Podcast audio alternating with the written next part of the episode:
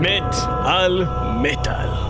מטאל מטאל אה, חלק אה, שני בתוכנית עם גיבור המטאל, ישי שוורץ, כפיים. כפיים, כפיים, כן, כפיים. ישי שוורץ איתנו כאן באולפן, אנחנו ממשיכים תוכנית מהשבוע הקודם. בה דיברנו איתו על דברים שהוא התחיל אה, את הדרך שלו במטאל, התחיל דרך ההפקות, הביא מלא להקות, ואנחנו ממשיכים לשוחח עם הדמות המאוד מעניינת הזאת, ואנחנו שומעים ברקע כבר את אחת הלהקות שהוא הביא לארץ, בהצלחה גדולה, קרי, אייטור, גודס או ויילנס מתוך האלבום החדש.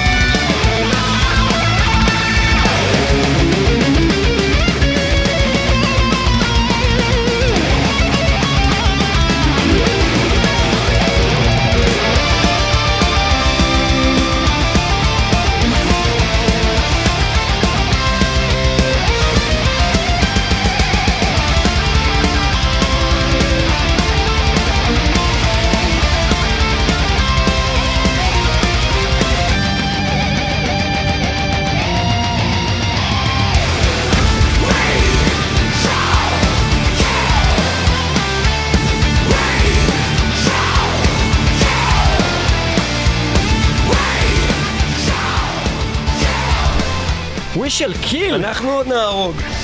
קריאייטור Gods of Violence, אנחנו uh, כאן במטאל מטאל עם uh, ישי שוורץ, uh, מפיק מטאל uh, נודע בישראל, ואנחנו uh, uh, בעצם התחלנו כאן עם קריאייטור, כי זה אחת הלהקות שהוא הביא, שהיא בעצם uh, פוצצה. ואנחנו מאוד נהנינו בהופעות של קריאייטור שראינו בכלל, בארץ ובחו"ל, להקה מעולה. אז מה אתה יכול לספר לנו קצת על קריאייטור? אז אני כשאני מסתכל על קריאטור, אני לא מסתכל עליהם בתור להקה שהבאתי, אני מסתכל עליהם בתור להקה שעיצבה לי את האישיות. מאז, מגיל 15. וזה מבחינתי הרבה יותר חשוב אם, אם הבאתי אותם או לא הבאתי אותם. זו להקה שהכניסה לי ערכים ואידיאלים ולימדה אותי המון המון המון דברים בתור התפתחות שלי כאינדיבידואל, כבן אדם בעולם. מה, מבחינת ליריקה? מבחינת זה שהם מבחינת ליוו זה אותך שהייתי בן אדם בתקופות? אחר לפני שהתחלתי להקשיב להם, ובן אדם אחר אחרי. Extreme Aggression שינה לי את החיים. וואלה, Extreme Aggression שינה לך את החיים. כן. איך זה קורה כן, בעצם? ואתה לוקח ילד בן 16, איפה זה תופס אותך? שהוא תופס אותך, הוא ילד, אתה לוקח ילד בן 16 שיש לו מעורבות חברתית ו- ופוליטית והוא מנסה להבין את המקום שלו בעולם הזה. והוא קורא ספרים של איין ראנד ושל משה קרוי ושל כל מיני פילוסופים. ובא אליו פתאום Extreme Aggression שזה thrash metal אבל אה, לא שרים לך Piece by Piece כמו Slayer. אלא שרים לך על, על עצמך, אתה מרגיש שהשירים האלה הם עליך. אתה מרגיש ש-No reason to exist זה עליך. אתה מרגיש ש-fatal energy זה הייאוש והאדישות של העולם הזה, מדברים שעוברים עליך. אתה מרגיש שה... מה שאתה עובר, הרגשות שלך, פתאום יש לכם איזשהו כלי ביטוי שהוא הולך יד ביד עם המוזיקה, ופתאום זה מטאל שלא מדבר על uh, jump in the fire, אלא מדבר על uh, נושאים שהם מאוד כואבים, some pain will last forever, אני יושב איתך היום ב-2017. הגעתי לכאן, אחרי יום קשה, והשיר הזה מהדהד לי עדיין במוח, some pain will last forever. אוקיי, כאילו, אבל- אבל- ו... אני, אני מבין מה אתה אומר, השאלה שלי זה למה דווקא קריאטור תפסו אותך, למה, כאילו, הרי היו לך את הדברים היו האלה, עוד דברים גם שתפסו ב, אותי. לא, היו לך את הדברים האלה גם ב- גם ב-86, Master of Puppets עשה לי את זה באותה מידה. כן, אחרי זה ב-86 נכון. בפיסל, זה היה לך את זה נכון, ב... לא- לא היה לי את זה בפיסל. לא היה לי את זה בפיסל. Good, so what? אה, כן, נכון. אבל אה, מה שהיה בקריאייטור, ולא היה לי במגדף, למשל, בתקופה הזאת, מגדף גם, אתה יודע מה, So far so good so what, גם תפס אותי בקטע הזה, אבל ב-So far so good so what, כשאתה מפרק אותו לגורמים, אז יש לך קטע אחד אינסטרומנטלי, וקטע אחד שמדבר על לברוח מהמשטרה ולעשן באוטו ולאכול המבורגרים, עוד קטע אחד על קליף בארטון, עוד קטע אחד Mary Jane, חברתי, יש שם שתי שירים. Hook in Mouth? הוא קדמה ו-Set the World Afire. ועוד קאבר אחד לסקס פיסטולס. אוקיי? אז, אז זה לא בדיוק. Extreme Aggression זה מההתחלה עד הסוף, מזריק, נותן לך את הכל, את כל סיפור המעשה. עכשיו, כשאתה שומע את האלבום הזה, וזה אלבום שאני טחנתי אותו בכיתה י', מההתחלה עד הסוף, הוא נותן לך את הכל בתוך, במקום, Master of Puppets הוא כן כזה. Master of Puppets ו-Extreme Aggression עשו לי את הבומבה הזאת, הם הפכו אותי מימני לשמאלני. אתה שמאלני? כן. אה, זה מדהים. שמאלני לא קיצוני, שמאלני מפלגת העבודה, אבל שמאלני. תפסת אותנו לא מוכנים לדבר הזה, לא לא היינו מוכנים להיכנס לזה כרגע. כאילו, אה, זה אלבומים שלקחו את האינדיבידואל ושמו אותו מעל הקולקטיב. להיות שמאלני במטאל זה לא כאילו דבר שהוא באיזשהו מקום לא מסתדר להרבה אנשים בראש? לפי דעתך? First of all, אני לא רואה את זה בתור, היום ההבדל בין ימין לשמאל הוא, הוא, הוא, שאתה אומר שמאל, מה זה שמאל? אני מדבר לך על מפלגת העבודה, מה ההבדל בין מפלגת העבודה? ישי, Extreme Aggression. אוקיי. זה שמאל נשמע לך? אימא של השמאל. זה בוז'י? Extreme Aggression? תקרא את המילים. Extreme aggression. קראת את המילים של האלבום? כן, זה אומר כן? שלום ואחווה בין ערבים ליהודים. זה מה שזה אומר. זה נושא רציני, אחי. לא, אבל תמיד כאילו, האמת שמדברים על קריאייטור. וקריאטור להקה מאוד שמאלנית, סופר שמאלנית, אפילו פציפיסטית הייתי אומר. I want you to see, I want you to kill each other! It's time to raise the flag of hate! אהבה ושלום בין יהודים לערבים! אני לא כל כך רואה את זה. אז בוא אני- אז בוא אני אענה לך. רגע, הוא משחק אותה, הוא לא מבין על מה אנחנו מדברים. לא, אני עוד מבין, אבל אתה לא נותן לי לענות. אוקיי. אחד, אה, I want to sell tickets to. זאת אומרת, זה מה שהוא בא להגיד לך באותו רגע. אוקיי. אוקיי, כשהוא בא וצועק, אני בוואק, and I want to see some aggression, I want to see some kill, I want to sell some tickets. כולנו ככה.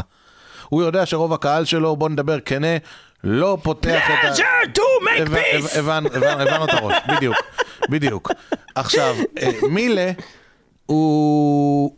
אני לא חושב שהוא פציפיסט כמו שהוא היה לפני 15 שנה, 20 שנה, אבל אני חושב שהוא עדיין מאוד שמאלני ויש המון המון המון נאומים שלו באינטרנט ובהופעות נגד תנועות פשיסטיות בגרמניה, וכל השיר, השיר על ההומופוביה, Side by Side באלבום האחרון.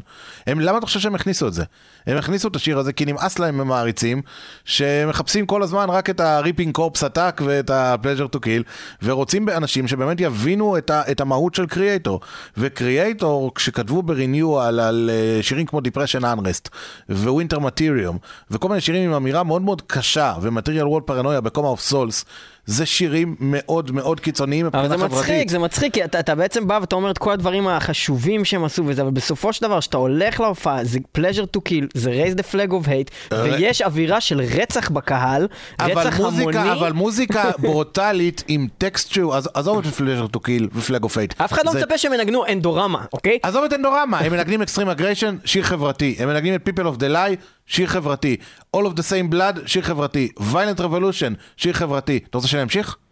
רק מה- רק מה- מהטייטלים, בלי להיכנס לליריקה בפנים, הטייטלים, אבל מה אתה... זה נשמע שיר שיר אבל- ממש אבל אתה לא. אישה בת 70, אתה מטאליסט. אתה יודע לקרוא בין השורות. אני כן, האנשים בקהל, זהו. כמה יודעים על מה מדבר ויולנט רבולושן? כמה הם כמוך איש שוורץ שקוראים באמת בדיוק זה מה הליריקה? שרציתי אז לשאול. אף נכון. אחד, כולם עומדים שם ואומרים It's time to raise the flag of hate בעצם המ- המסר שמנסים לעבור לא עובר, לא והמסר הוא ההופכי לא עובר. הוא לא עובר, הוא עובר כשהלהקה מנסה לעשות משהו יותר אינטליגנטי, כמו שהם ניסו לעשות בריניואל, אז המסר עובר. אבל אז הקהל לא מת על זה. נכון. אז הלהקה עושה איזשהו סוג של אה, פשרה אומנותית נקרא לזה. הם מעבירים את המסר שלהם בליריקס, ומי שמספיק אה, מתעניין קורא אותם, אבל מבחינה חיצונית, המעטפת היא מעטפת של אה, מטאל. תשמע, השילוב הזה של מוזיקה אגרסיבית, עם אה, מילים שהן, אה, נקרא לזה, חברתיות, סלאש, אה, אתה יודע, מעודדות מעורבות. אני לא אגיד שמאלניות, אבל אתה יודע, דברים מהסוג הזה, זה לא Kreator המציאו את זה, זה הלך הרבה הרבה הרבה יותר אחורה. אבל יש, יש להקות שכן מצליחות לעשות את האפקט הזה של להיות ברוטליים וכן להעביר את זה. סתם, תיקח נגיד, אני סתם עכשיו לוקח. Cattle Decapitation. מישהו חושב שהם רוצים להרוג cattle? מישהו לא יודע שהם בדיוק נגד אבל זה? אתה מדבר איתי פה על- להקת grind brutal death metal ועדיין עם זה שלא מבינים מילה ממה שהם אומרים, לא עדיין אבל- המסר אבל- שלהם אבל- כן עובר. עובר כי הם להקה שמגיעה מאג'נדה מסוימת של grindcore ושם זה מקובל. אם הם אומרים נגיד black metal זה לא היה עובר. אני בא, תן לי להקות באותו גודל. של Kreator. אל תשווה לי הופעה ב- ב- למה, בגגארין, שאתה- ש- הופעה בפארק הירקון. מישהו ששומע Carcass חושב שהם רוצים לרצוח עם כל ה-imagery של הזה? הם לא לא- לא ומישהו מבין? ששומע Kreator חושב ש-Pleasure to Kill שרוצה לרצוח כן, מילי פטרוזה? כן. Bullshit. כן, bullshit. אני חושב את זה עדיין. אז אוקיי, אוקיי, אתה יודע, תחשוב. אוקיי. טוב, הגיע הזמן אמ, להתקדם ללהקה אחרת. אה, בואו נדבר אה, ממש בקצרה לפני שנשמע את השיר ואחר כך נאריך קצת על חוויותיך עם להקת Paradise Lost. זה נושא שאני מעדיף להשאיר אותו בינינו. לא, לא, נו, תן לנו פה קצת, אה, קצת ג'וס. לא ג'וס דווקא, אבל... זהו, זו מילה שבקונטקסט הזה קצת.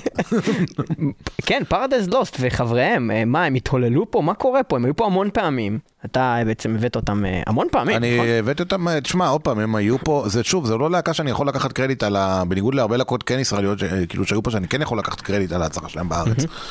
אם זה Sabaton, אם זה Behemoth, אם זה Alcest, whatever, Kreator, Paradise, זה לא להקות שאני לוקח עליהם קרדיט. זה מוצר קיים מתחילת שנות ה-90. אני כילד ראיתי את Paradise Lost ואת Kreator, והייתי שורה ראשונה ברוקסן, התפרעתי כמו חמור. זה, זה, זה, זה דברים שכבר היו קיימים ומאוד מאוד מקובעים בתודעה של הקהל הישראלי. Paradise Lost זה להקה שהייתה פופולרית בישראל בשנות ה-90 יותר ממה שהיום Lamb of God בקרב הקהל בארץ. זו הייתה הלהקה אחרי Metallica ו Iron, זאת הייתה הלהקה שאנשים שמעו. זאת הייתה הלהקה השלישית שאנשים שמעו. הם ו Sepultura של אז. והיום בהופעות שלהם אתה רואה אנשים מהגילאים מלא אנשים? מאז, מלא, גם אצל Kreator וגם אצל יותר Paradise.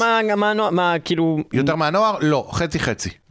אבל יש מלא קהל של אז. שתי האלבומים האחרונים של Paradise, פלוס זה שאני ה promoter, ואני מגיע מאותה תקופה, אז אני א', מכיר את האנשים האלה, ונמצא איתם בקשר, ויודע איך לשווק להם את המופע הזה גם. ולפרסם אותו, כי אני מפרסם אותו בתוך קבוצות סגורות של קהל היעד של אז, ולאנשים מפעם, ומעלה חומרים ארכיונים משנות ה-90, מדליק את האנשים עוד פעם, אז אני מביא את הקהל הזקן הזה ל Paradise Lost, זקן במרכאות, מביא אותו ל Paradise Lost, מביא אותו ל Kreator, וזה קהל שאתה לא תראה אותו בהופעות אחרות. אבל Paradise Lost זאת להקה שהייתה ענקית בישראל, ענקית. הגודל של הלהקה הזאת הוא היה עצום בארץ, צריך להבין את זה. זה לא להקה שאתה יודע, נחשפו אליה כמו ל Epica או כמו ל Draconian באלבומים האחרונים. Paradise Lost בישראל, אני אומר לך, אחרי Metallica ו Iron, הם היו השם הגדול בישראל.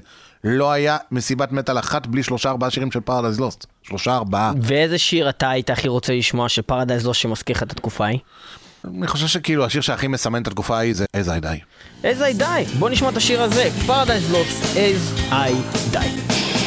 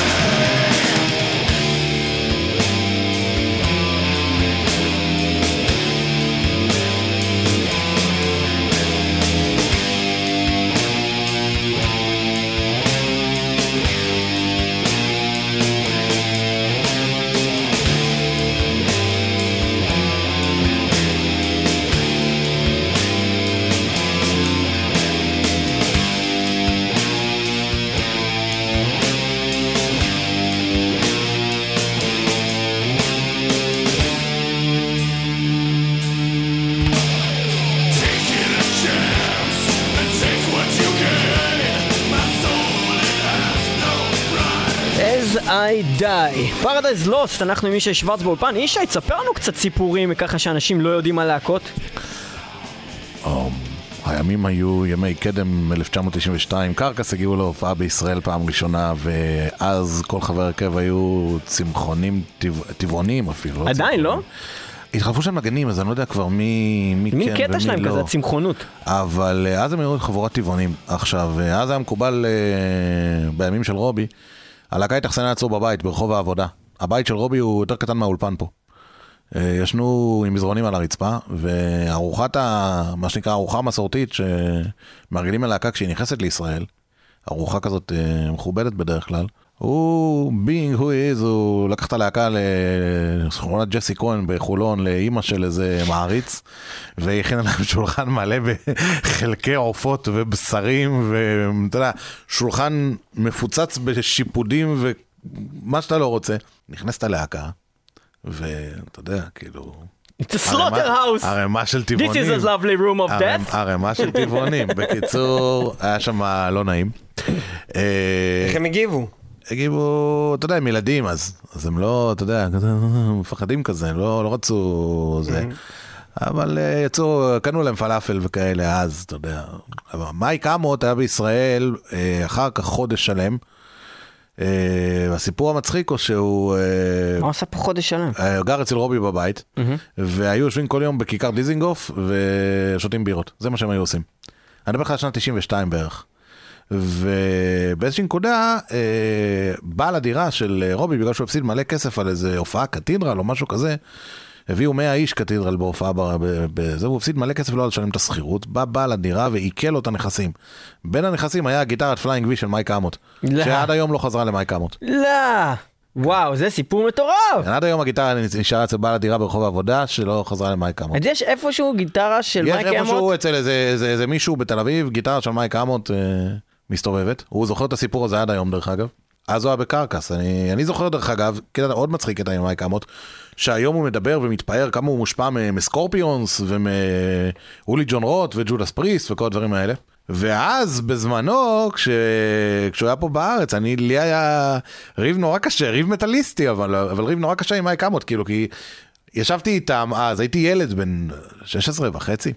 באתי עם חולצה של Judas Priest, והוא היה בשיא ה grindcore שלו, ואתה יודע, ה Carcass אחרי ה Symphonies of Sickness. התחיל להסתלבט עליי, עכשיו אני אף פעם לא הייתי מעריץ של קרקס, אז עניתי לו. והיה ריב כזה על, אה, אתה יודע, true style כזה, כן. שהוא בתוך הגריינדקור שלו, ואני אומר לו, תקשיב, כאילו, על מי אתה בא להסתלבט פה? על ג'ודס פריסט כאילו? are you insane כאילו? כן, אה, איך אומרים, עברו השנים ורואים מי צדק. לגמרי. מצחיק, מצחיק. אה, מה- מה מה יש לנו עוד? תן לנו עוד מישהו מה עם אחר. סיפורים עם זונות? נגיד? אתה... כי כוכבי מטאל בטח אוהבים זה לא זונות. חייב להיות הם- זונות, הם- זה יכול להיות הם- סתם אה, סתם פלאץ. מעריצות ששוכבות עם... תשמע, עוד פעם, אתה יודע, אני לא נכנס להם לחדרים של המלון ובודק מה הם עושים, אבל אה, אני יכול להגיד לך שקריאטור בזמנו ירדו לצלם את הקליפ של ריניואל במדבר יהודה, אז אה, הם ירדו חברי הלהקה, צוות צילום ועוד כל מיני אה, חבר'ה שאירחו להם לחברה. ולא- זה היה ולא- לפני אה, 30 ולא שנה רק הם ירדו. כמעט.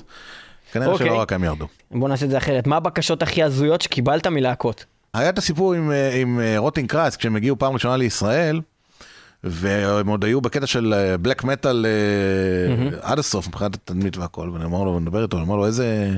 איזה ציוד אתה צריך פה ושם, אז חתול הוא אומר מת. לי, תקשיב, אנחנו מנגנים, נשמעים טוב על כל ציוד, לא משנה לי איזה ציוד.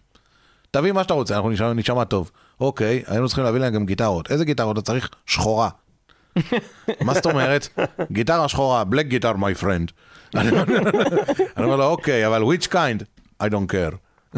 בקיצור, דברים מהסוג הזה, כאילו, עכשיו, אה, אבל זה לא סיפור באמת מצחיק. הדברים היותר חווייתיים זה למשל מה קרה לטוביאס סאמט מאדגה כשהוא ראה ג'וק פעם ראשונה בחיים שלו.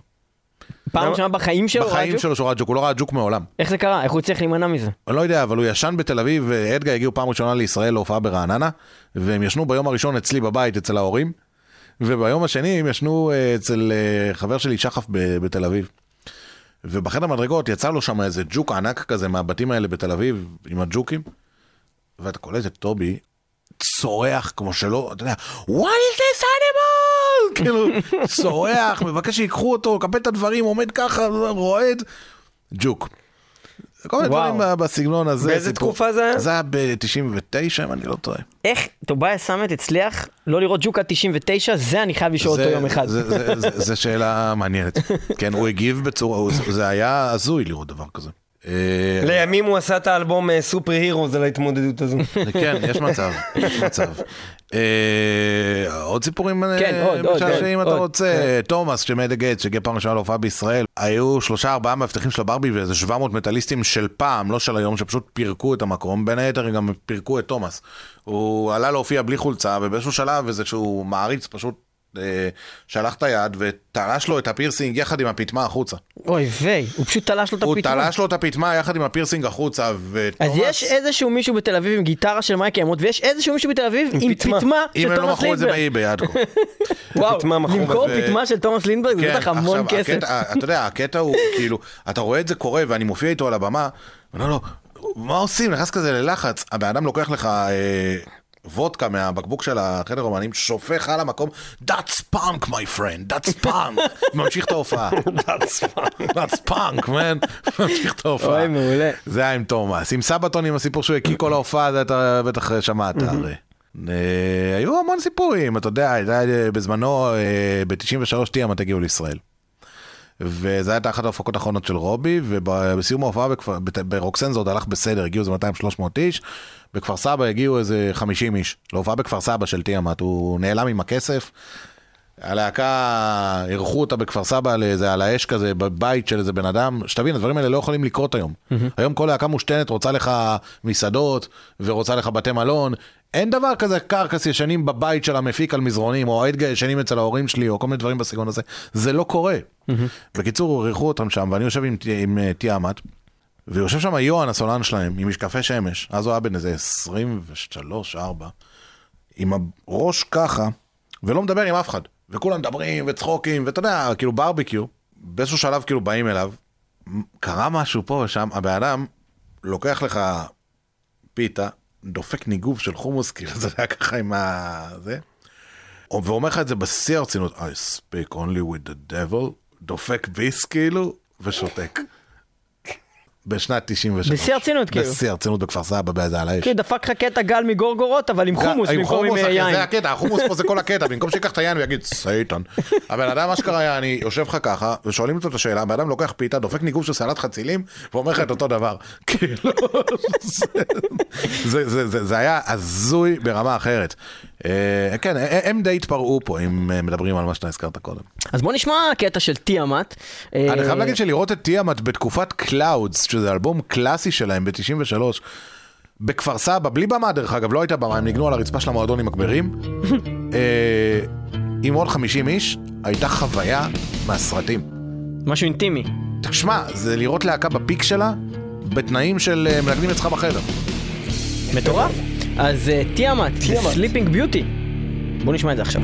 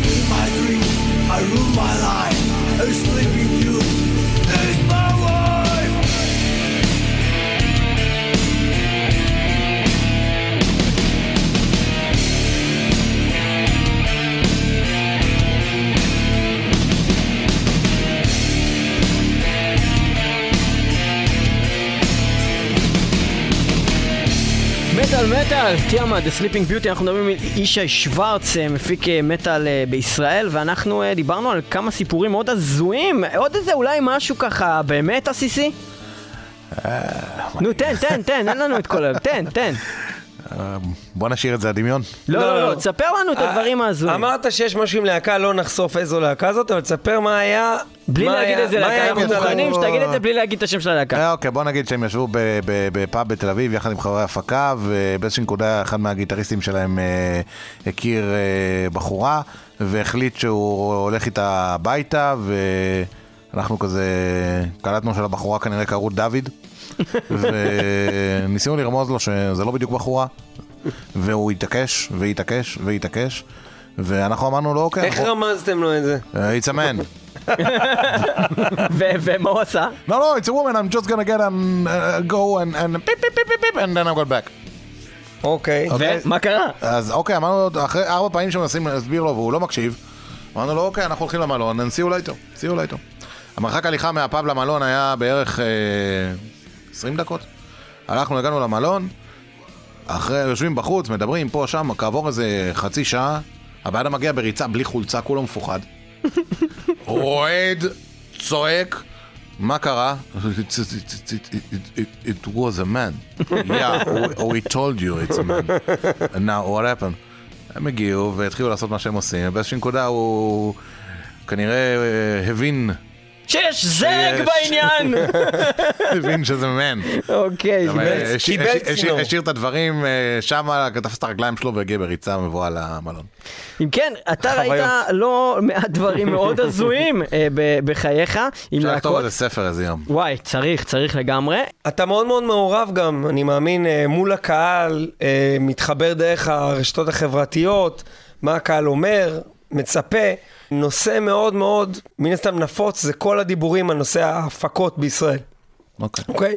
מה אתה יכול על כן להגיד לנו לגבי דעתך, לגבי מה שקורה בארץ באופן כללי, לג, אה, לגבי עולם ההפקות בישראל בעולם המת? בעולם המטאל. קודם כל, תראה, זה שהשארנו קו עם אירופה מבחינת כמות הופעות זה נהדר. ספק. זה, יש איזה צד שלילי שבעיקרון נופל על המפיקים, אבל לקהל זה נהדר. אני בתור ילד יכולתי לחלום על זה. מה שקורה פה זה החלום הרטוב של ילדים מטאליסטים. יש לך את כל הלהקות שאתה אוהב, כמה שאתה רוצה, מביאים אותם, יש לך מבחר עצום, רק תבחר, רק תבוא, רק תקנה כרטיסים. זה מדהים. לנו לא היה דברים כאלה, אנחנו לראות את Disharmonic Orchestra, שהיא להקה מחורבנת, רק היא הגיעה להקת death metal הרוקסן. זהו.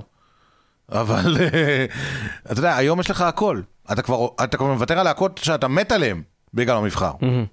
אז זה נהדר, זה מדהים בעיניי. אה, מן הסתם זה יוצר עומס הופעות, אז אתה יודע, מגיע פח... אה, כמות הקהל אה, מתחלקת בין יותר ויותר מופעים, וצריך להתאמץ יותר. בן אדם שמביא את ההופעה, בהנח- בהנחה והלהקה היא לא מה שנקרא איזי סלר.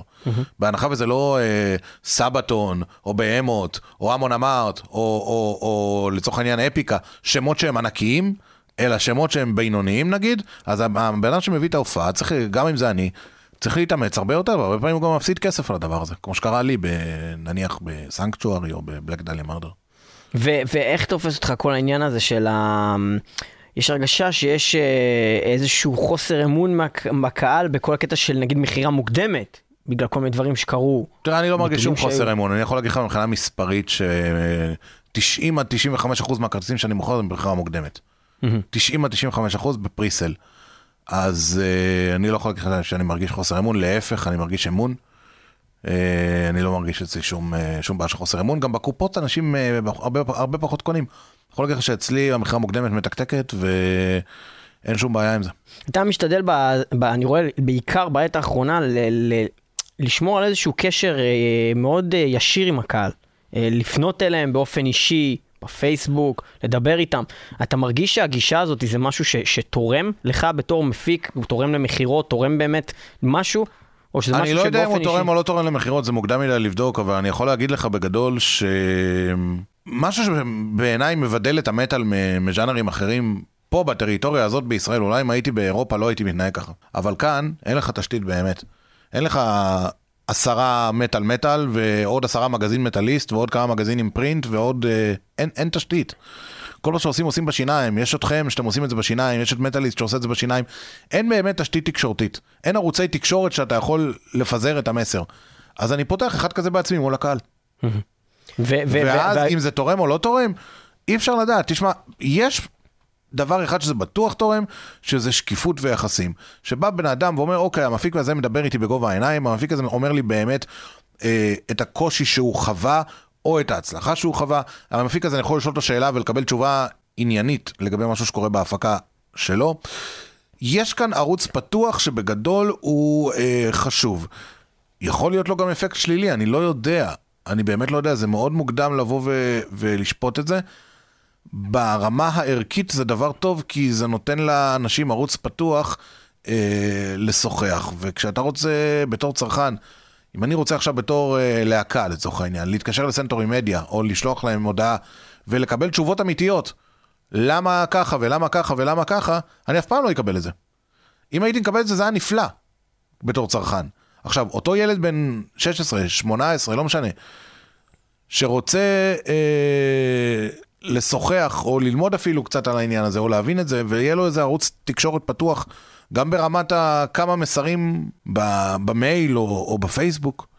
עם ההפקה, ובאים ואומרים לו, תקשיב, הנה, אנחנו עושים את המופע הזה, הפסדנו פה מלא כסף, אבל uh, קשה לנו, לא קל לנו. אנחנו לא באים לעשות עליכם פה רושם שקל לנו, שאנחנו... קשה לנו. אנחנו מוציאים כסף מהכיסים, כדי שלכולנו זה יקרה.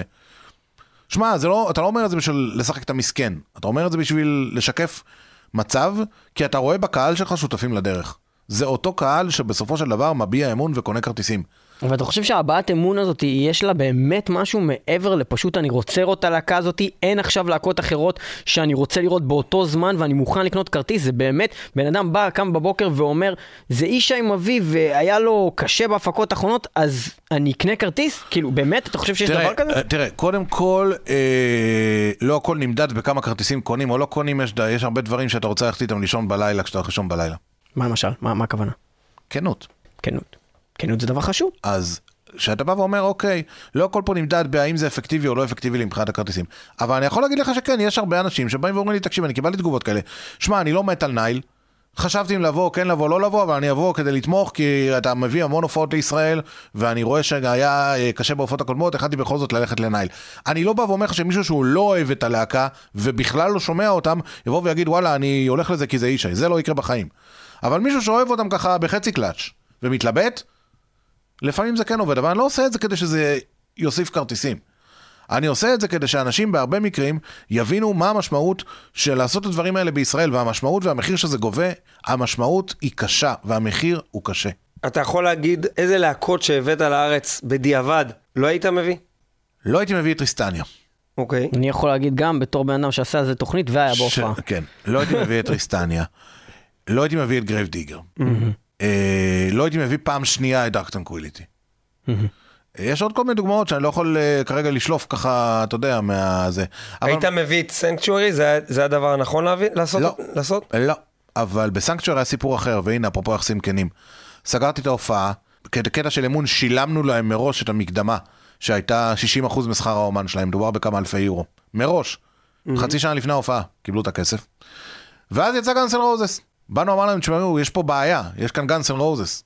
עכשיו, אה, אני לא רוצה לבטל את ההופעה, בואו נדחה אותה. אפילו ביום, ביומיים, בשלושה ימים. יום לפני סנקצ'וארי יש גאנסן רוזס, בואו בואו נעשה משהו עם זה. לא, אנחנו לא יכולים. ואז התחילה המכירה, והמכירה לא עבדה. תקשיבו, אנחנו חייבים להזיז את ההופעה. לא, אנחנו לא יכולים, זה מה יש. אוקיי, בסדר. ואם אנחנו מבטלים את ההופעה, בסדר, אתה רוצה תבטל, אבל את הכסף אנחנו אה, לא נחזיר לך, ואנחנו גם רוצים את כל שאר הכסף. באותה נקודה אתה בא ואומר, אני לא אשלח אותם קיבינימט ואגיד להם, אתם בחו"ל, אני בישראל, תתבע אותי, אני אעשה מה שהתחייבתי אליו, אני אעשה מה שחתמתי עליו בחוזה, ומה שאני אפסיד, אני אפסיד. אפשר להפסיד כמה שפחות, וזה מה שקרה, הפסדתי. אבל uh, עשיתי. בסופו של דבר, אתה יודע, אותו סוכן, אותו בוקר, uh, החוויה שלו איתי היא חוויה טובה. עכשיו, אתה לא יכול לדעת את מי הוא ייצג מחר, ואתה לא יכול לדעת את מי, מי הוא ידבר, ואיזה להקה תיפול לו לידיים. אבל לך, אין לך במקרים האלה באמת הקטע האישי, אין לך ערוץ תקשורת ל-World Dane, יש שהבאת אותו כבר בעבר, ולהגיד לו. תקשיב, יש לי סיטואציה, דבר עם הבוקר, בוא בוא שנייה נעשה משהו. יש לך, אבל מי, אמר- לך שוורלדן רוצה ללכת לקראתך באותו רגע? ומי אמר לך שוורלדן מחליט לבד? לא אמרו לי, סתם שאלתי. אני, אתה, אתה מבין, זה, זה, זה, יש לך ערוץ פתוח עם אחד מחברי הלהקה וזה בסדר, אבל אתה יודע, הם לא, נניח שהם מקשיחים עמדה והכסף שלך כבר אצלהם ביד. כי אני אוהב בקטע של הלהקות לשלם לפחות חצי מראש. ככה הם יודעים שהכסף אצלהם, אין, אין לי אחר כך בלאגנים. הכסף אצלו, סבבה. ואז הכל, אני צריך ממנו דברים, הכל טוב, כי הוא בא ואומר וואלה, המפיק יצא איתי גבר. אז אני אצא איתו גם גבר. במקרה הזה ספציפית עם גאנסון רוז, זה יצא בעיה, כן, זו הייתה טעות להביא את ההופעה הזאת. השאלה היא, האם אתה יכול ממקרה כזה ללמוד משהו לפעם הבאה? כי לא יכולת לדעת שגאנז דורז יסגרו. הדבר היחיד שאני יכול ללמוד זה לא לשלם אה, מקדמות גבוהות אה, מלכתחילה ללהקות שהן אה, מה שנקרא לא איזי סלר. וזה שיעורי בית שלי כמפיק, זה טעות שלי כמפיק, נכון? מודה. מודה שהאהבה האישית שלי ללהקה סינוורה את שיקול דעתי. ברור. מודה, על השולחן. אתה מוכן לחלק הבא של אה? מטאל מטאל? לא. זה קורה, אתה חייב תכין אבל. אותי. אז אה, אנחנו הולכים לעשות חידון המטאל, אנחנו חידון הולכים לשאול המטאל. אותך שאלות, אתה הולך להיבחן, אנחנו ואנחנו נראה לתת לך ציון האם. ישי שוורץ הוא מטאליסט על או פוזר בחידון המטאל! חידון המטאל!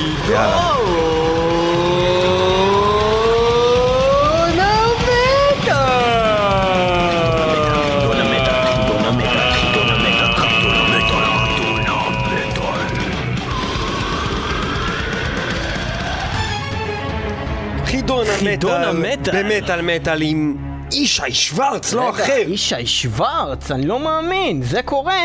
ישי, ישי! אנחנו הולכים לשאול אותך סדרה של שאלות מסובכות יותר ופחות. החלק הראשון? יהיה לך ארבע אפשרויות לגבי כל שאלה. בשאלה שאתה תהיה צודק תקבל נקודה, בשאלה שאתה תטעה תקבל או כזה. נכון. מה הכוונה ארבע אפשרויות? זה אמריקאי. אמריקאי, אוקיי. אמריקאי, אמריקאי. אוקיי, אתה מוכן לשאלה הראשונה? כן. בבקשה. שאלה ראשונה, ישי. איזו עובדה אינה נכונה לגבי נרגל? נרגל. נרגל, זה כבר הייתה תשובה נכונה. נכונה. אוקיי. לגבי נרגל. א', הוא עוצר מוזיאונים מוסמך, ב', הוא נשפט על ביזוי ספר קדוש על הבמה, ג', הוא היה דובר של חברת רדבול, ד', הוא שימש כשופט ב" The Voice". איזה עובדה לא נכונה. איזו עובדה לא נכונה? לא נכונה. מה היה? הוא דובר של רדבול? של רדבול. או אוצר מוזיאונים מוסמך? כן. מתלבט בין שניהם. אני חושב שהרדבול. הרדבול הוא תשובה נכונה! הוא ייצג הוא- משקה אחר פשוט. הוא ייצג משקה אנרגיה אחר, אבל לא את רדבול. אבל לא רדבול. אה. יפה, אז נקודה אחת לך, ישי. אנחנו ממשיכים הלאה. שאלה הבאה. שאלה על סבתון. ישי, איזו עובדה מהבאות נכונה לגבי סבתון? א', יואקים, סולן הלהקה, ניהל רשת חנויות סקס. ב', האלבום Code to of Arms הושפע מאוד מכתביו של סאנסו. ג', הלהקה הוקמה בשנת 1999. או ד', פר ממקימי הלהקה ניהל רשת חנויות סקס. איזו עובדה כן נכונה. מה כן נכון פה? שהלהקה הוקמה ב-99. והתשובה היא תשובה נכונה! הופה הופה, יפה סחורה מאוד. מאירופה. דרך אגב. אחד מהם באמת עבד בחנות סקס, אבל לא ניהל רשת. בגלל זה זה שקר. יפה. על שמה... אתה, אתה מכיר את הדבר הזה שבכלל בארץ כמות המטאליסטים שעבדו בחנויות סקס היא גדולה. זה, זה משהו הזוי. היא מטורפת. כן. איזה כולל- מטאליסטים כולל אתה מכיר? אותנו, כן. איזה מטאליסטים אתה מכיר שעבדו בחנות סקס? ניסן, טל ניסן, נכון? יובל, נכון. יבל חיים, נכון. דולינר, אם אני נכון. לא טועה. נכון. אה, והיו עוד כמה, לא זוכר. גם אנחנו. גם אתם? שנינו בסניפים שונים, ומה יש, יובל מזרחי? לא, לא חסר, לא חסר, לא חסר. אה, יפה, אז, וזה, לא בתיאום דרך אגב, זה מפתיע, אתה מגיע? באיזושהי נקודה. יכול להיות. זה לא בתיאום וזה לא באותם זמנים בכלל, זה וואי, סתם רוקו בחנות מאפיין. סקס זה בטוח היה סוטה מאוד. שאלה הבאה, באיזה הקשר טרם נגרמה מהומה סביב דייב מסטיין? א', כספים ותמלוגים בין חברי הלהקה, ב', התחזקותו בדת והפיכתו ל born again Christian, ג', הצהרה לגבי שחרור אירלנד, ד', ספונסרית של משקה אלכוהול באחד הפסטיבלים. אירלנד. התשובה לגבי אירלנד היא לא נכונה. לא נכונה. כן, הוא... לא אה, היה לו בעיה עם אה, ספונסרים של משקאות אלכוהול בפסטיבל. הוא עלה באחד אה, פסטיבלים או משהו כזה על הבמה, והצהיר שהוא בעד שחרור אירלנד, והיה בזה איזשהו קטע דתי הזוי בתוך המדינה. בקיצור, היה שם איזה עניין כזה, אה, ולא היה משהו עם ספונסרית של אלכוהול. וואלה. טוב, נכון. לא עוקב אחרי כל היוטיובים של מגדל. אה, נכון, זה קשה, כי יש. הרבה דברים כאלה. שאלה הבאה, לגבי Dark Tranquillity, איזה מהקאברים הבאים לא ביצעה הלהקה? Doomed by the Living Dead, אוקיי? אוקיי. ב' My Friend of Misery, ג' 22 Acacia Avenue, או ד' Bringer of Torture. דום by the living dead הם לא ניגנו. כל היתר הם ניגנו. והתשובה זה נכון במיוחד.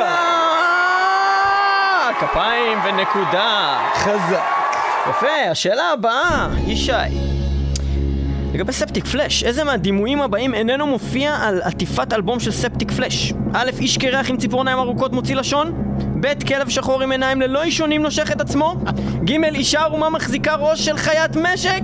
ד', שלד מתהלך וחולף על פני ציפור וגופת חיית משק? הכלב, הכלב לא מופיע. הכלב השחור עם העיניים ללא אישונים נכון. איננו מופיע! זה נכון! הם אוהבים חיות משק! אוקיי, אוקיי, אוקיי, אוקיי. כיצד נקרא ה-EP הראשון של להקת Nile? Swing of Atonement, Festivals of Atonement, Flash of Atonement, או Atonement of Atonement. פסטיבל. Festival of Atonement, והתשובה. היא נכונה! כל הכבוד, ישי! עברת. את החלק הראשון בחידון המטאל. בהצלחה גדולה ועם טעות אחת בלבד. אנחנו ממשיכים לחלק השני של חידון המטאל. שהולך כדלקמן, אנחנו הולכים לנגן לך שיר, ואתה כמה שיותר מהר צריך להגיד לנו מי הלהקה? מי הלהקה. האם תצליח? זאת. ועוד. אוקיי, שלוש, ארבע, ו- ו... מה זה הלהקה הזאת?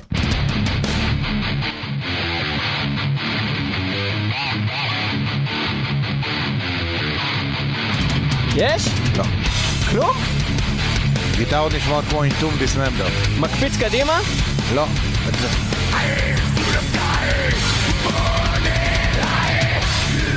זה נהיה קל.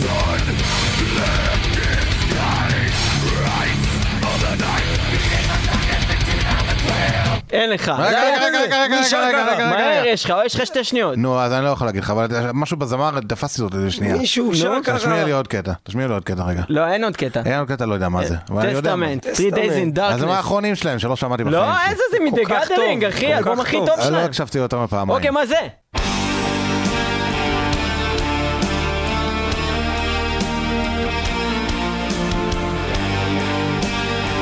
זה קדימה. וואי, וואי, וואי, ישי, מה זה? שם לי דברים חדשים. לא חדשים. Draconian? לא Draconian? להקה שאתה הבאת. Swallow the Sun, מהאלבום הראשון שלהם, בטח, זה. בטח לא חדשים. אה, זה Swallow מתוך אה, האלבום הראשון של Swallow the Sun, מה זה? לא משהו שהבאת.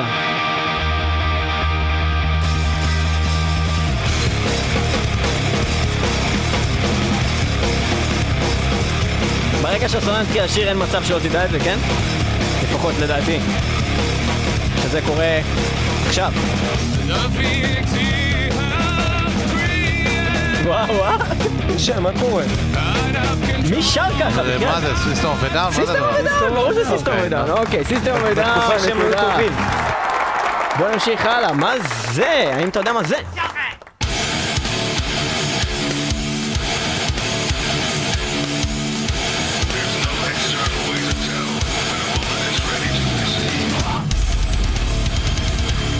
מקפיץ קדימה?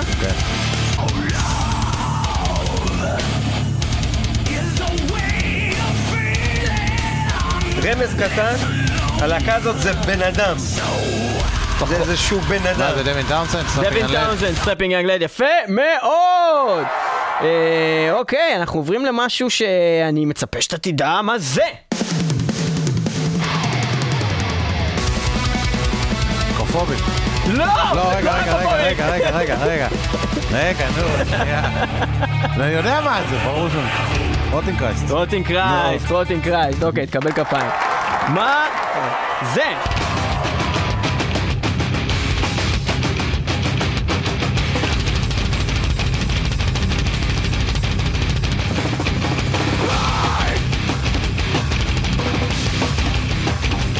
מקפיץ קדימה. לא יודע, לא יודע מה זה. סליפנוט, מה איתך? אחי, אתה חושב להקות חדשות. מה, סליפנוט? גם לא תגיד, סליפנוט סליפנוט זה- מ-99. לא- חדש לא לגמרי. מכיר אותם יותר מדי לעומק, מה אתה רוצה להגיד? מה, למה לא להכיר סליפנוט? אין לי בעיה נגדם, אבל לא מקשיב לזה. אוקיי, אז אתה רוצה שנלך איתך לדברים יותר קלאסיים? יאללה, נו.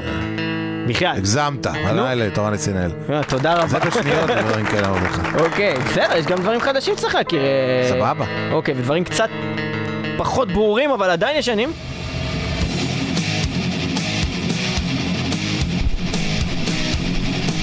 לא? מה זה? מה, מה, להגיד לך תקפיץ את זה, כאילו? לא, תקפיץ את זה.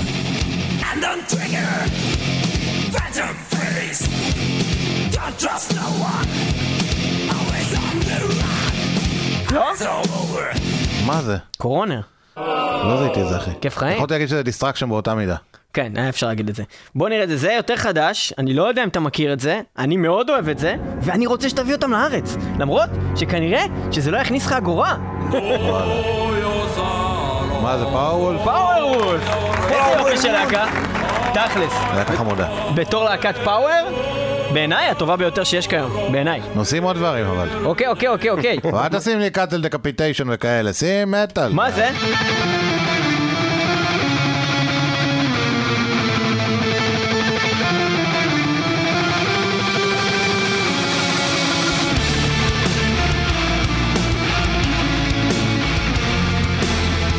Death.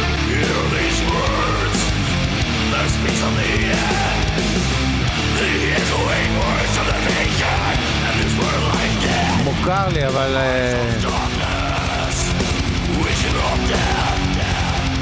זה לא כזה ברור אה, הלהקה הזאת, זה לא כן? כזה ברור. לא, ממש לא. יכול להיות הרבה דברים. לא, גם... זה לא הלהקה הכי הכי אה, זה, אבל אמרתי למטיבי לכת, אולי. מה זה היה? Unanimated. מכיר את הלהקה, אבל... אה, מדהימה, מדהימה, מדהימה, להקה מדהימה. טוב, אני הולך איתך על דברים חדשים ומאוד מוכרים, אבל... נו, מה זה? לא? תן לי לשמוע. רק ללהקה אחת יש סאונד כזה בעולם. סאונד של 700 גיטרות. להקה שבחיים אי אפשר להביא לארץ מרוב שהם. יקרים. אתה תדע להגיד. מה זה הכי יקרה? באיזה... בהשוואה למה? בהשוואה להכל. חוץ מ... אתה יודע, בהשוואה למטאל. זה הכוונה. בטוח אחת מהיקרות ביותר. אנחנו... רמשטיין? כן, אנחנו בגרמנית. רמשטיין זה לא הדבר הכי. יקר שיש? לא. לא? לא, לא, לא, הם יקרים, אבל לא עד כדי. מה יותר- יקר מרמשטיין במטאל? ואני לא מדבר על מטאליקה, כאילו, אוקיי? דרים תיאטר יותר יקר מהם. מה זה? דרים תיאטר לצורך העניין יותר יקר. דרים תיאטר יותר יקר להביא את רמשטיין, אז איך. זה שהביאו לארץ את אה, דרים תיאטר? כי הם יותר גדולים מרמשטיין בהרבה בישראל. כמה אנשים אתה חושב אה, רמשטיין הביאו בישראל? שלוש, ארבע אלף. כן? זהו? אתה לא חושב שזה חוצה את המטאל לרמשטיין? שיש מלא אנשים שלא שומעים מטאל שיבואו לרמשטיין? אה, שאלה חשובה מאוד, ישי. מה עם Iron Maiden? מה איתם? שלומם טוב. מתי הם מגיעים? מתי הם מגיעים? מחר בצהריים בארבע הם נוחתים. יאללה. סגור כמה- העניין. כמה- כמה ממון היה להביא אותם? כסף. היוקר? כן. זה לא לא כלכלי יהיה להביא אותם? יש לך break של 30 אלף כרטיס. אוקיי, ברקס. אוקיי, ברקס אבל- אבל- ב-30 אבל- אלף. אבל מה זה? לא מוכר לי. זה קלאסי. כאילו, אתה יודע. נו, איך קוראים לזה? Fuck. נו, אפשר להגיד fuck בשידור? כן. הריף נשמע כמו White Zombie, אבל... זה. White Zombie, זה White שזה Zombie, זה White white Zombie. וואי, ראיתי- אבל? אותו לפני חודש, איזה הופעה מטורפת יש לרוב זומבי. חשבתי שתשים לי דברים אחרים, אבל אתה תוקע אבל לי מה, אני מפה, חייב לשים לך רק משם. דברים, זה, שלך, נו, מה. לא שלי, שים לי דברים שהם לא שלי, אבל...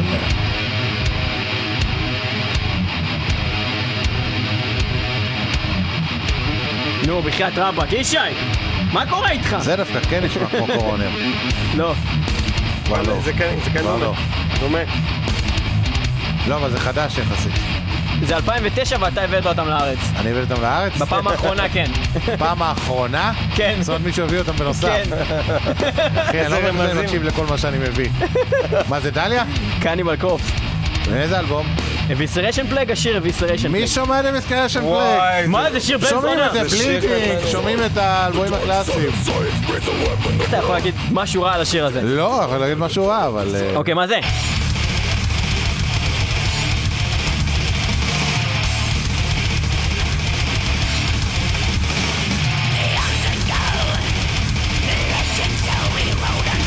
אני מת לראות את הפרצופים שלך. נו, ברח לי השם שלו. ברור, נו. זה נשמע אבט, אבל זה לא... זה אבא, זה אבט? אימורטל, השיר אחד הכי מוכרים שלהם. יפה, אוקיי, אוקיי, אוקיי. אבל אתה יודע מה הפריע לי מה שאמרת מקודם? כאילו מי שומע את קניבל קופס החדשים, תחשוב שאתה מקליט היום באולפן משהו, ואנשים בכלל לא נותנים לזה הקשבה. אני לא קהל יעד, אחי, שמכוונים אליו, הם לא מכוונים עכשיו לבן אדם בן 42 שילך ויקרא את האלבום החדש שלהם בהכרח. הם מכוונים, הם מוציאים אלבום חדש. מה מה זה משנה למי מכוונים? יצא להקה טובה, יצא להם משהו חדש. אלבום טוב, קניתי אותו. אז. אז בוא נגיע לבעיה, רגע, עצור, עצור את החידון, זה נושא חשוב. כן. תקשיב, אני אוהב את קניבל. קניתי את האלבום הזה, כמו את כל האלבומים האחרים שלהם. שמעתי אותו פעם וחצי. להגיע לרמה שאני אזהה ככה את השיר, אני צריך לשמוע אותו לפחות 10-20 פעם. לא הגעתי לזה. למה? לא בגלל שהאלבום לא טוב. בגלל שכמות החומר שיש זה- היא הרבה יותר גדולה. את The Bleeding שמעתי 300 פעם, את וייל שמעתי 300 פעם. שלא לדבר על הקודמים, אתה מבין? אז זו הבעיה של הבעיות. אז זו הבעיה של השוק. שאני חושב שזה גם חלק מהסיבה שמטאליסטים מתחילים להתביית לז'אנרים מאוד מסוימים ומקשיבים רק לא, להם. זה סתם נרו מיינדד. אני חושב שזה קשור לזה. כי הם לא מצליחים... אבל אתה יודע, אני לפחות, קנית, אני לפחות. קניתי את האלבום החדש הזה. אני אולי לא מזהה את השיר, אבל אני קניתי את האלבום. I paid for the record. אבל זה מוזר לשלם על משהו ולא זה מאוד להקשיב לו. מוזר מה שאתה אומר. מתוך רספקט ללהקה, שמעתי את זה פעם, פעמיים, שמתי את זה בצד. בשביל האוסף. לא יודע שלא, זה בשביל התמיכה. בשביל התמיכה. כן. אני יכול, להבין. אני יכול להבין אנשים שאומרים, אני שומע רק פאוור מטאל, ועכשיו אני אהיה מומחה לפאוור לא מטאל, אני מבין את קונה את כל האלה, הפאוור. מטאל. תגיד לי, בן אדם מרגיש רק עצוב כל החיים שלו, לא מרגיש שום רגש אחר? למה זה חייב להיות עצוב? מוזיקה זה רגש, אתה מרגיש כל החיים שלך רק חרבות ודרקונים? בכל ז'אנר אני חושב שהרבה רגשות. אולי יש ז'אנרים מסוימים, כמו נגיד grindcore, אוקיי? שהם מאוד מאוד מוכוונים רגש. קשה לי עם הקיבעון הזה, אבל... ב power מטאל יש רק שמח או עצוב? יש לך בגדול ספקטרום מאוד מסוים של רגשות. ומוזיק, וביטוי מוזיקלי מאוד מסוים. אבל הלהקות בעצמן משנות, על להגיד- להגיד את הקטגוריה, תגיד Megadeth, אוקיי, זה thrash metal? לא, וואלה, Megadeth, ב Megadeth לא יש לך. שמח, אבל- עצוב, אבל- מהיר, לאט, בסדר, אבל הוא לא בלט. נתן דוגמה של Kreator, מה? זה להקות שיש להם כל לשמוע רק להקות כמו Testament ו Kreator, היה קיבעון מסוים, נו, מה אני אגיד לך, אנחנו יודעים את זה הרי. טוב, אתה בן אדם שומע אבל המון סוגים של מטאל, מ- מ- אני מכל גם שומע קצה. הרבה דברים מחוץ למטאל, זה לא... כן. כמו מה? כמו הכל, כמו פרינס. פרינס, אבל הוא מת. אז מה? אחי, יש לו קעקוע של, אה, נו, איך קוראים להם? של אה, Mötley Crüe, נכון? זה עוד זה עוד מטאל, זה בשכונה. אה, מטאל. זה בשכונה, אני אומר לך על דברים אה, ש... אני אצטט את דייב אני- אני מאסטיין ואני אגיד, אה, it's glam, it's stands for gay LA metal. ולא, ו Risk שלו נשמע מטאל. Risk זה אלבום מעולה, אלבום פופ מעולה. פופ מטאל. אה, אוקיי. אני אתן לך עוד כמה... אנחנו צריכים ל-wrap it up. בוא נעבור. לשאלות של החידון. אוקיי, חדל חידון, אנחנו נעבור אה, לשאלות... אה, היית מעולה. בחידון! היית מעולה בחידון. סביר הייתי. סביר, סביר לא. בחלק הראשון היית מעולה, אחר כך היית סביר. כן, נכון. אוקיי. אה, אז אה, אוקיי, אנחנו אה, נעבור בעצם אה, שאלות אה, של הגולשים שלנו, ששאלו בקבוצת הפייסבוק של מטאל מטאל. שימו לב, קבוצת הפייסבוק של מטאל מטאל. הקבוצה העולה לאחרונה של מטאל מטאל. נפתחה לפוסטים של כולם, ולא רק לפוסטים שלנו של תראו, הנה, יש פרק חדש, והפכה למקום אה, של כבוד. אה, ו- ודיון. ל- לדיון פלורליסטי של כל מטאליסט ומטאליסטית בישראל. אתם מוזמנים להצטרף לקבוצת הפייסבוק שלנו ולכתוב לנו שם מה שאתם רוצים, וכל עוד אנחנו לא נקבל את התביעת דיבה לבית, הפוסט שלכם יישאר בקבוצה. אה, אנחנו אה, נמשיך הלאה. אנחנו עוברים לשלב של שאלות הגולשים. אנחנו נשאל, אני אזרק לך שאלות, יש לך את האופציה לענות במהרה, או להגיד, עזוב, עבור. אוקיי? יש לך... עזוב, עבור, יעליב את השולח, עזוב. אה, אבל יכול להיות שזו שאלה ממש מפגרת שמעליבה אותך. קדימה. בוא, יאללה, נו תתחיל. אה, אוקיי, אה, ו- ותשובות באמת כמה שיותר חדות. מתי יוצא האלבום של לא, טומאור אבל זיין? תגיד גם מי השואל, לא? שואל מיכאל דוידוב. האלבום של תומור עזריין יצא כשאנחנו נרגיש שהחומרים מצדיקים את זה שאנחנו נוציא אלבום. כרגע אנחנו כותבים את האלבום, מקליטים אותו לאט לאט. הרעיון הוא לא להוציא אלבום, אלא להוציא אלבום שידברו עליו גם בעוד 10 שנים ו-20 שנה, וזה לוקח זמן, אבל שווה לחכות. אוסטרובסקי שואל, Nail Within, מה קרה להרכב המדהים הזה, והאם יש סיכוי שהם ינגנו שוב ביחד מתישהו? התפרקנו ב-2003 אחרי חילוקי דעות על הכל חוץ מעל המוזיקה, והתאחדנו ב-2007, היה כיף, היה אחלה. אם יש סיכוי שנגן עוד פעם על אותה במה, יכול להיות מתישהו בעתיד, למה לא? כולנו חברים, אבל אי אפשר לדעת. יפה, רעות מטליסיידן ללו שואלת, תשאל אותו איך הם השיגו קלידנית כל כך חמודה. אה, דרך הקלידן הקודם, אלכס קרלינסקי, שהיה ידיד טוב שלה. אה, בחור טוב, בחור טוב. אורי ארן ריץ' שואל שאלה יפה, מהי הלהקה שישי רוצה הכי להביא לישראל אבל לא יכול בגלל עלויות? Judas Priest. Judas Priest, וואו, תשובה חד נכונה, משמעית. תשובה יפה.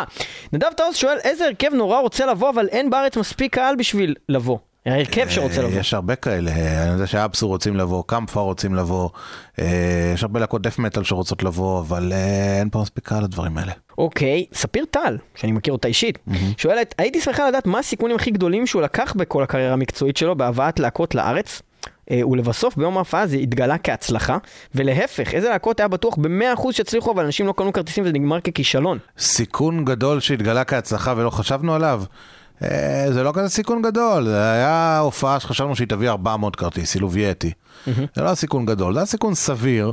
להפתעתנו הגיעו אלף איש. זה היה מדהים. וטוב, ההפך, אנחנו דיברנו על... ההפך היה לך Grave Digger, שאני הייתי בטוח שיביאו לך, או Napalm Death, שהייתי בטוח שהם יביאו 500 איש, ונגמר 250. וואי, זה היה עצוב, זה היה מאוד מאכזב ו Grave אותם. Digger בעיקר כי זה פשוט באמת להקה ממש כי טובה. מגיע להם. מגיע להם. כי מגיע היה להם. מגיע להם יותר. היה מגיע להם יותר. אה, בנוסף, איך בכלל מחשבים דבר כזה, היא שואלת, לפי מה אתה יודע אם להקה תביא או לא תביא אנשים, מה האינדיקציה שלך? כשאתה חי את הז'אנר הזה 30 שנה, לאורכו ולרוחבו, אתה פחות או יותר יודע, לא תמיד יודע, אבל ברוב המקרים אתה יודע, ויש לך גם את הכלים לדעת, אתה עושה אנליזות שאני לא אפרט אותן פה בשידור. אוקיי. אה, עדי שמילוביץ שואל, מה משמעות שם הלהקה ומה מושך אותך בסגנון ה doom? הוא שואל לגבי הלהקה שלי. כן. אה, יש שיר של סטינג, מתוך אלבום בשם Nothing Like the Sun, שזה אלבום שאני מאוד אוהב, שיר בשם Fragile, ויש שם שורה שאומרת אה, Tomorrow's rain will wash the pain away. וזה נדלק לי.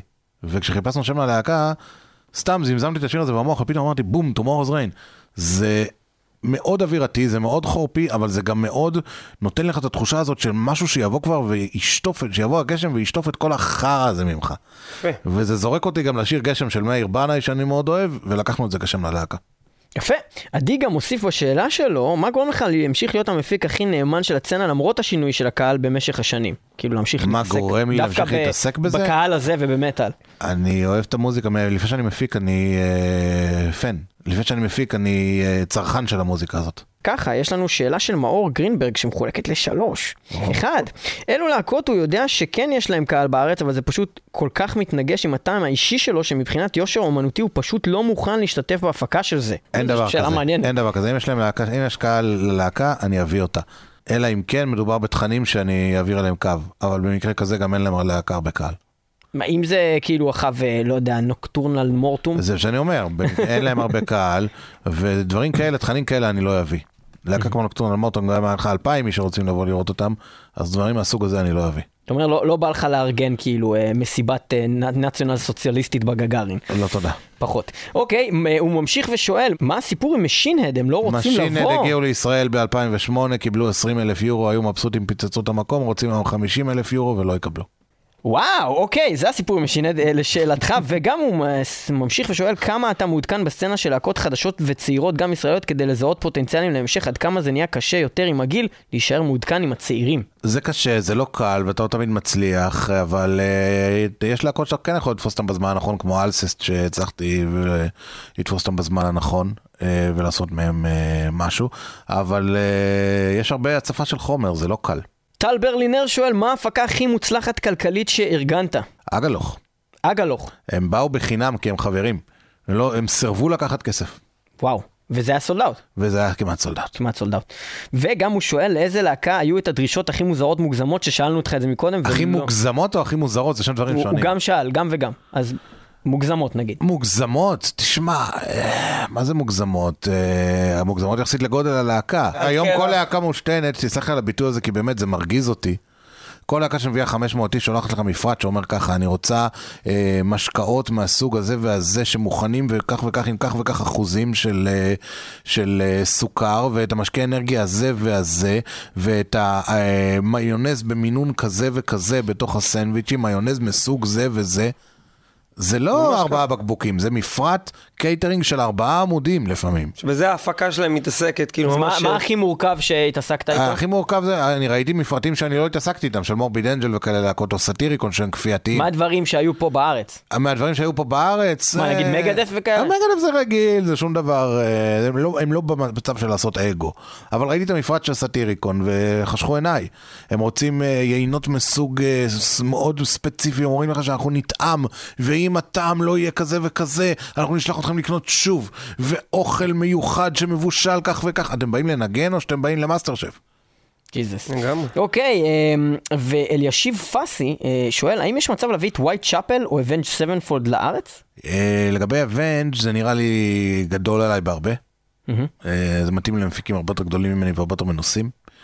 ולגבי Whitechapel, עבר לי בראש לנסות את זה, אבל אני חייב להגיד לך שאחרי הרפתקת Black Dahlia, אני נזהר מאוד מאוד מאוד עם הז'אנר הזה.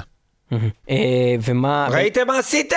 הוא גם ממשיך ואומר, בהמשך לשאלה הקודמת, יש אפשרות להביא שוב את Lamb of God? אה, זה פחות או יותר אותו סיפור כמו Machine Head, הם אה, קיבלו המון כסף בפעם השנייה בלי הצדקה לגודל שלהם, ומהרגע שהם קיבלו סכום כזה הם כבר לא ירדו למטה. רוי דגני שואל שאלה מפגרת ושואל מתי פנטרה באים, ואנחנו נמשיך הלאה. ונגיד, אה, עוד מישהו שואל, מי יותר מטאל, מטאליקה או מגדף? והוא שואל אותך את זה מאיזושהי סיבה. מי יותר מטאל, מטאליקה או מגדף? כן. בוא נשאל את זה אחרת, מטאליקה או מגדף? מבחינת טעם אישי, שלי, כן. מטאליקה. מבחינת לא טעם אישי שלך? מה זאת אומרת? אני לא יודע. לא, אם אתה שואל אותי מי יותר מטאל, Megadeth יותר מטאל. אבל מי אני מעדיף, תשמע, מטאליקה ב... בוא נגיד אפילו בשתי אלבומים וחצי, בשבילי, שזה הטופ שלהם, זה Master, Justice ו Ride the Lightning, עשו כזה בומבה ש Megadeth הצליחו לעשות אותה ב-Rust in Peace ובעוד איזה... אתה יודע, חצי so far, חצי countdown, זה הטופ, זה ה core של הדברים. אבל אה, בסוף היום זה מטאליקה, כי למטאליקה יש את Master ו Justice, ול Megadeth יש רק את Rust in Peace. ואם Rust in Peace מול כל אלבום אחר של מטאליקה? אז Justice לוקח אותו. כן? כן. לא, לא. מה אמר? זה הולך להופיע ב Blabbermouth. וואו, ישי שוורץ, נקודתיים. אה, אמ, ברק יצחק טוטי שואל, האם אה, תביא בקרוב או בהמשך להקות גדולות בז'אנר ה death metal? אם כן, מה הלהקה הראשונה שעולה לך כרגע לראש? מה זה להקה גדולה בז'אנר ה death metal? נייל זו להקה גדולה בז'אנר ה death metal. הופה, תשובה. אה, הוא ענה לך תשובה, ברק. הוא ענה לך תשובה. אה, אוקיי, יפה, אז יש פה עוד אה, שאלה של אה, רוי ברק ששואל, אז ככה, כמו שאקסל רוז אה, אומר בסוויט צ'יילד, לאן אנחנו הולכים? אה, אז אני שואל את ישי, לאן הז'אנר הולך ומה יקרה בעוד 20 שנה כשלהקות שרצות פה פשוט כבר לא יהיו קיימות? הייתי שואל אותו, איך לדעתו יישמע מטאל בעוד 20 שנה? קראו לי שמרן, קראו לי הנה זה עם הפוסטים הכבדים, קראו לי שמרית. איך שלא תקראו לי נושא חשוב. אז אה, תודה לשמרית על השאלה. אה, איך המטאל יישמע עוד 20 שנה? קשה לדעת. אתה לא יכול לדעת דברים כאלה.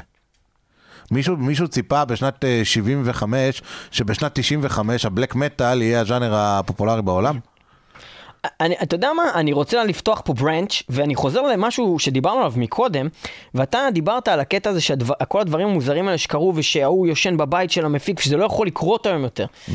I beg to differ, ותקן אותי אם אני טועה, אני חושב שהלהקות שהיו פעם הלהקות האנדרגראונד והקטנות, שאתה עדיין מתעסק בהם ובאחרות מ- מסוגם, הם כבר לא האנדרגראונד. גם אם תיקח לך fucking, לא משנה, טאקה, אוקיי? זה לא באמת אנדרגראונד, ובסופו של דבר הלהקות שממש אנדרגראונד, עדיין עובדות ככה, ולהקות כמו ויסר הטרל, עדיין נותנות להם לישון אצלם בבית, העניין הוא כמה שנים... שכשהגיעו זה קרה. לישראל, אבל לא, לא, לא, איפה הטעות שלך? מה שאתה אומר זה נכון חוץ מדבר אחד. הלהקות האלה כשהגיעו לישראל וישנו בבית של המפיק, קריאייטור כשהגיעו לישראל וישנו בבית של גלעד בן עמרם לא פה בהרצליה, הם לא היו אנדרגראונד, הם היו אחרי Coma of Souls, תקליט שישי. לא היו אנדרגראונד. הם לא היו אנדרגראונד, הם עשו את Extreme Aggression, Pleasure to Kill, Terrible Certainty, Coma of Souls, זה היה הם לא היו הסטנדרט אנדרגראונד. ההפקתי, אז להקה באה וישנה בזה. אוקיי, Napalm Death אז הגיעו לישראל אחרי Scum ו Harmony Corruption, הם לא היו אנדרגראונד. אוקיי, בסדר גמור, אבל עדיין יש להקות שהן קטנות, ואני לא מדבר איתך שאין להן בכלל קהל, אבל להקות קטנות, אוקיי? נו. לא יודע מה, אה, כל מיני דברים שבאמת היו בהפקות, whatever. לא משנה. נו. אז הם עדיין עובדים בשיטה הזאת. זאת אבל אומרת, פעם הם לא- יכולת להביא בשיטה הזאת את אה, Napalm Death ואת קריאייטור. והיום אתה צריך להביא בשיטה הזאת איזה, אני יודע מה, להקה unknown. שאתה לא תביא אותה כי לא תביא כסף. אתה מבין, אתה לא יכול, הלהקה הכי קטנה, הכי קטנה בז'אנר המוכרים, טאקה ודומיהם, לא יעבדו בשיטות האלה יותר. אז יכולת להביא להקות גדולות בשיטות כאלה, קרקס עשו את זה. רועי סער שואל, ישי, מה הסיפור עם טסטמנט? האם נצטרך לשמוע את צ'אק בעולם האסטרלי שנשב ליד הקבר האינדיאני שלו, או שהם באים בקרוב? שמע, ניסיונות להביא את טסטמנט יש כבר אה, 12 שנה, אני לא חושב שיש מפיק במטאל בישראל, כולל מפיקי העבר שלא ניסו. טסטמנט הם אה, מה שקרוי נצנצן, זה להקה שאומרת לך כן כן כן בטח וזה ההצעה נראית לנו ואז מתקפלים ונעלמים. אה, לדעתי יש שם איזה אישו שהוא לא ברור, אה, וכדי לפתור אותו צריך או להציע סכום לא ריאלי, או שמישהו בלהקה שם יתחלף. נראה לי שסטיב די ג'ורג'יו לא הכי מת עלינו, כדי שמישהו יבוא וימשוך אותו באוזן צריך אה, שכר. כשאנחנו ראיינו את פיטרסון בתוכנית, הוא היה נשמע כאילו הדבר שהוא הכי רוצה לעשות זה לבוא לארץ. מה, סבבה, אבל כשפגשו את סטיב די ג'ורג'ה בישראל, בחו"ל, ושאלו אותו מתי אתה מגיע לישראל, הוא אמר hopefully never. והוא ממשיך ושואל, רוי סער, אה, וואספ אה, עדיין נותנים בראש, איך ישראל נכנסת לתמונה? אה, ישראל אה, לצערי לא נכנס לתמונה, כי וואספ הפוטנציאל שלהם בארץ, כמה שאני אוהב אותם ואני מאוד אוהב אותם, זה לקה של 500 איש. ב-500 איש אתה לא יכול להציע לו משהו שיגרום לו להגיע.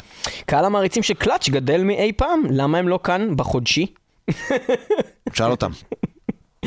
אה, אז מה, מה התשובה לזה? אין לי תשובה, כי אני לא עד כדי כך בקיא בקהל המעריצים של קלאץ' בארץ. אוקיי, והשאלה האחרונה שלו, למה ההיצמדות ל death ו power? אין לי צמדות ל death ו power, איזה power הבאתי חוץ מסבטון? את גרייב דיגר פעם אחת לפני שמונה שנים? הוא שאל, אבל הבאתי folk. הבאתי black, הבאתי doom, ואין שום הצמדות לשום דבר. אוקיי, אה, אנחנו מגיעים לסוף. בן בליעל שואל, מה יותר, אבא או אימא? אבא או אימא, יעני מטאליקה או איירון. אני לא יודע. זה מה שהוא כתב? זה מה שכתוב פה. אה, אוקיי. ואלדר גבאי שואל, האם זה נכון שיש לך מעל 9,000 נקודות מטאל? נקודות מטאל. אני חושב שדי הגענו לסוף פה, אה, כן. ויש פה עוד מישהו ששואל, מה יקרה בפרק הבא של חתולים סמוראים, זה לא קשור. אה, מה הסיכוי שאתה מביא את DevilDriver לישראל? לא גבוה. לא זה. להקה שתרצה שכר אומן גבוה ופוטנציאל קהל אין לה הרבה. מה אם אנחנו אומרים בבקשה? אין לה הרבה? אין לה הרבה? 500 איש. אני יכול להגיד לך שזה, אני לוקח את עצמי, הלהקה שאני אשים עליה הכי הרבה כסף. על הכיפה, כמה כמוך יש? אני לא יודע, אני גם באמת לא יודע את זה. האם יש דרך להוזיל את העלויות של הכרטיסים להופעות? שואל יותם בראונשטיין. כן, יש. לבקש מהסוכנים לחתוך את השכר האומן בחצי, ולעבור, אה, להעביר את המדינה לאירופה. להעביר את המדינה לאירופה. יותם גם שואל, למה עדיין עושים הופעות בגגארין כל פעם שאני שמה מחניק מדי וזה מוריד מהכיף? אז זה מחניק לו? אני מבין, אני מבין שבברבי כשיש אלף איש, או ברידינג כשיש אלף איש, אז אה, רבו- רווי אוויר. רווי אוויר. ומתי תעשה מטאל מרקט לא בשישי בבוקר? כי מלא חברים שלי לא נוח להם להגיע בשישי בבוקר, כי יום בעייתי באוטובוסים. אה, רגע, הקטע של האוטובוסים זה שנייה, דווקא... אה, הקטע של האוטובוסים הוא מעניין, הייתי גם שמח לשאול לגבי איזה סוג קפה הם אוהבים, כדי שאפשר יהיה להגיש פעם הבאה. אוקיי, אז אה, זה פחות או יותר השאלות. אה, כל הכבוד לכל מי שאל תודה שאלה. תודה כל רבה, הכבוד תודה רבה. לכם, אה, שיתוף פעולה מדהים. ביניכם לבינינו. וגם תודה רבה לך, ישי, שענית על כל השאלות האלו. אנחנו מגיעים לסוף. אנחנו מסיימים לפני שעתיים. בערך. זו. בוא נסיים את התוכנית הזאת עם זה שאנחנו לא נגיד מתי, אבל אולי נוכל, תקן אותי אם אני טועה, להגיד שאיזושהי להקה שאולי תגיע לארץ בזמן הקרוב או בשנה הקרובה או מתישהו שקוראים לה נקרופוביק, אפשר לדבר על זה? זה לא יהיה בשנה הקרובה. תראה, הם אמורים להיכנס, אה, להוציא אלבום בתחילת השנה. אה, תחילת 2018. יש אה, דיבור מאוד חזק על להביא אותם לארץ. הם החזירו את הסולן הקודם, כן. כי הסולן הזה שהיה האחרון, כן, החזירו את הסולן הקודם. הוא לא רוצה לדבר, אוקיי. בקיצור, אז יצא האלבום, ואז אני מאמין ומקווה שנביא אותם. זה אמור להיות באזור אפריל-מאי. אפריל-מאי זה לא עוד הרבה זמן. אפריל-מאי שנה הבאה, ויכול להיות שיהיה אה, עוד דברים בסגנון הזה. הכל שאלה של תגובות קהל. אם יהיו תגובות קהל טובות, זה יקרה. אם הקהל יהיה אדיש, זה לא יקרה. שזה ההופעות הקטנות האלה, החשובות האלה, כמו נייל, כמו אה, נקרופוביק לצורך העניין, אספיקס, רוטינגרס, כל הלהקות האלה. זה הכל תלוי במשוב של קהל. יהיה משוב של קהל, הלהקות רוצות להגיע ואני רוצה להביא ואין שום בעיה. אני אבחר אה, לשאול אותך שאלה אחרונה, אה, ב, אה, לפני שאנחנו שומעים את השיר של נקרופוביק וסוגרים את התוכנית הזאת. טוב. אתה חושב שיהיה לך, או בכלל, אה, למפיקים איזשהו מודל אולי אחר, לעבוד אה, בשביל להצליח להבין מה להביא, או מה, הדסטארט וכאלה? לדוגמה. תקשיב, חשבת זה- על זה, על הכיוון הזה? כן, ואני לא יודע מה להגיד לך. אני, בגדול, ה old school שבי לא מת על הרעיון, כי זה הופך את המקצוע לסוג של זנות. זאת אומרת, מה הייחוד שלי אם כל אחד יכול לפתוח הדסטארט ולגייס 50 אלף שקל להופעה של איקס? מה הייחוד שלך? הייחוד שלך הוא שאם אתה תגייס את הכסף הזה, אז יודעים שזה יקרה, שזה יקרה בזמן, שזה באמת יקרה, שזה לא יתבטל. לנצל את הפלטפורמה כאילו- שכבר הקמת, כן, אבל את אתה זה יודע. זה נראה לי קצת שכונה, זה נראה לי קצת, אז, אז כאילו, מי הוא המפיק? המפיק הוא הבן אדם שלוקח את הריזיקה, שם את הכסף, זה כאילו תפיסה של מי הוא מפיק. עכשיו, אולי אני מיושן, והיום מי הוא מפיק, יש לו תשובה אחרת.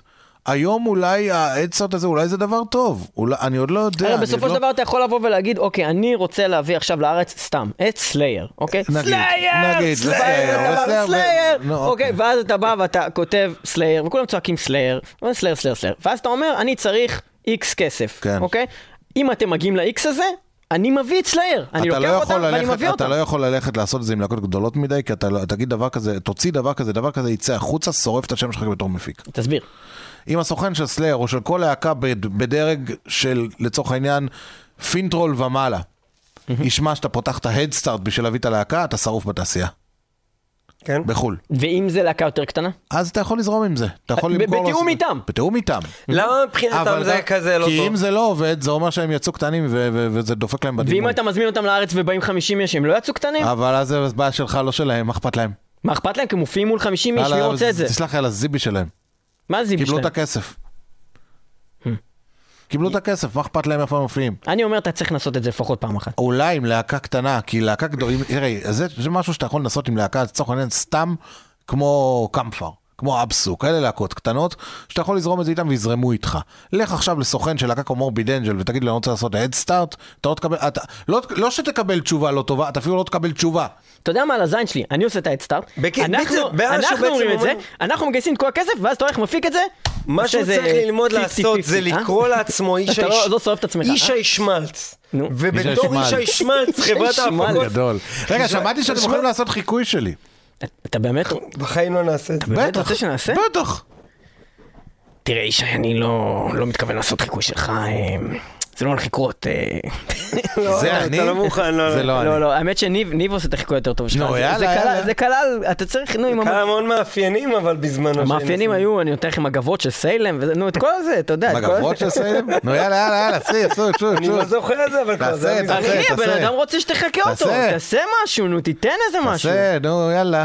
אתה ת- אתה צריך להיות הוא והוא צריך להיות אתה. אני לא זוכר מה המאפיינים של זה, אבל זה... המאפיינים של זה היה, אני יודע מה, ויש... ויש- Salem ברור, בסדר, היה עוד? Salem, והיה מבצע של, אה, של אה, אלבומים אה, 10 בשקל. עשר בשקל. נו, עשר היה זה- בעשר. 10 בעשר. מה חסר לך, חומר או חסר לך את הכל? הלו, ליאור.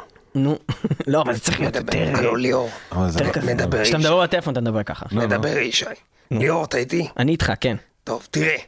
אני רוצה לקדם את ההופעה של להקת Track Listing, אוקיי? אוקיי. ותראה, זו להקה מאוד. זה מאוד מצליחה באירופה, אוקיי? אה, ותקשיב, זה Track, אחרי שהבאת את קרבטור, שזה כמו Kreator, אבל אה, לא. רק עם B. דבר ראשון, יכול להיות שקרבטור זו הייתה סוג של טעות, כי הם, הם לא מגיעים, הם לא מגיעים לקרסוליים של Track Listing. בוא נתחיל מזה.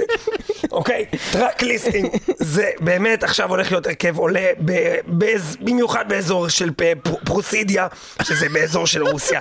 עכשיו תקשיב, אה, מה שאני צריך מכם בתוכנית, דבר ראשון, אני, אתה יכול לקבל במקום השלושה כרטיסים הרגילים שלך, בטראק ליסטינג כרטיס וחצי. זאת אומרת, מבחינתי... את החלק התחתון של ספיר אתה יכול להביא, ואולי את הראש של ניב. אבל אי אפשר שני כרטיסים. אוקיי, אוקיי, בסדר, אני חושב שאולי, אני חושב שזה עבד, זה עבד, זה עבר, זה עבר. יפה, אוקיי, אז אה, כן, אה, אנחנו, תודה רבה לך, איש שוורץ, תודה שהיית איתנו, כפיים.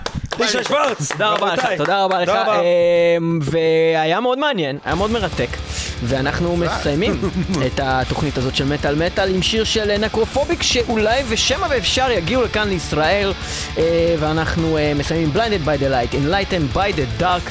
אה, תודה לכם שהייתם איתנו במטאל מטאל. 106.2 FM הרדיו הבינתחומי וגם תמיד ב-www.מטאלמטאל.co.il www.kzradio.com וגם ברדיו הקצה kzradio.net וגם אנחנו באפליקציה של מטאל מטאל באנדרואיד ובאפליקציה של Podbean שנמצאת גם באנדרואיד וגם ב App Store.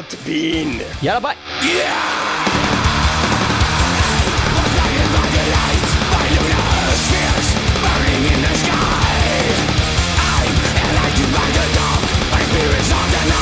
Black